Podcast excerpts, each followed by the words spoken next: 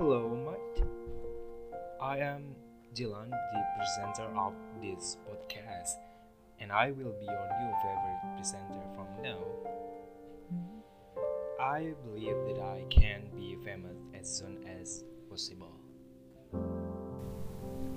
18 detik yang lalu itu merupakan sebuah opening yang menggunakan British accent. Kenapa saya menggunakan British accent? Karena saya sangat menyukai film Harry Potter dan saya selalu minum Ewoah. Ini adalah episode ketiga dari Podlandu.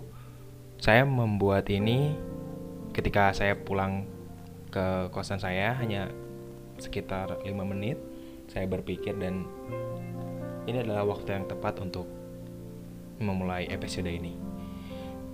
Di Oke, okay, let's do this.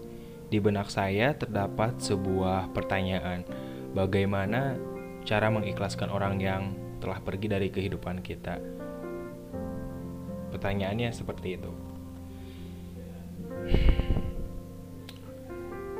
Saya mengakui bahwa ketika dia pergi, sesuatu yang berharga itu bukan uang,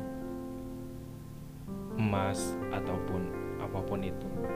Yang berharga ketika dia pergi yaitu saya terampas waktu olehnya dan bagaimana cara untuk mengikhlaskan ketika dia pergi dia yang selalu menemani kamu berangkat ke kampus, dia yang selalu menemani kamu ketika makan, dan kini kamu tidak bersamanya lagi.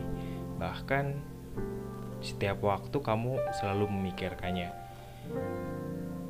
Pasti di benak kamu bertanya, lantas gimana ya untuk mengikhlaskan ketika dia pergi?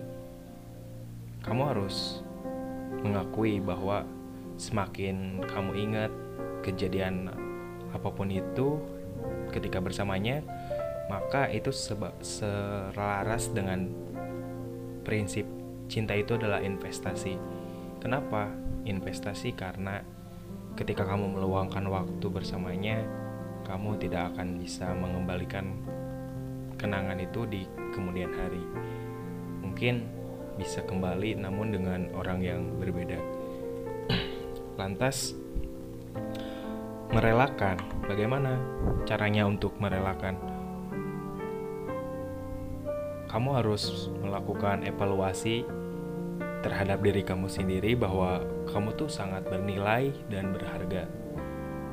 Coba evaluasi apa yang sering kamu lakukan, hobi apa, kesenangan apa yang selalu kamu lalui setiap harinya. Tanyakan itu kepada teman, pada keluarga kamu.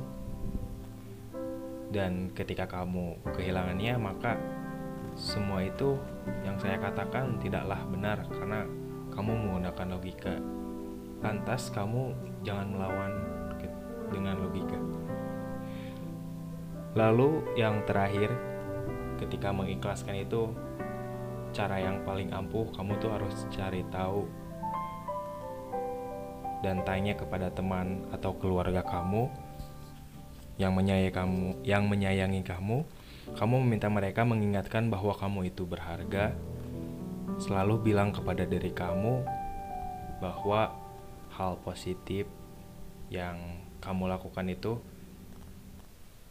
akan mendapatkan kebahagiaan di masa yang akan datang. Kamu tidak bisa move on untuk hanya satu kali kamu harus melakukannya setiap hari sampai kamu mendapatkan kebahagiaan yang baru. Oke, okay, let's close this.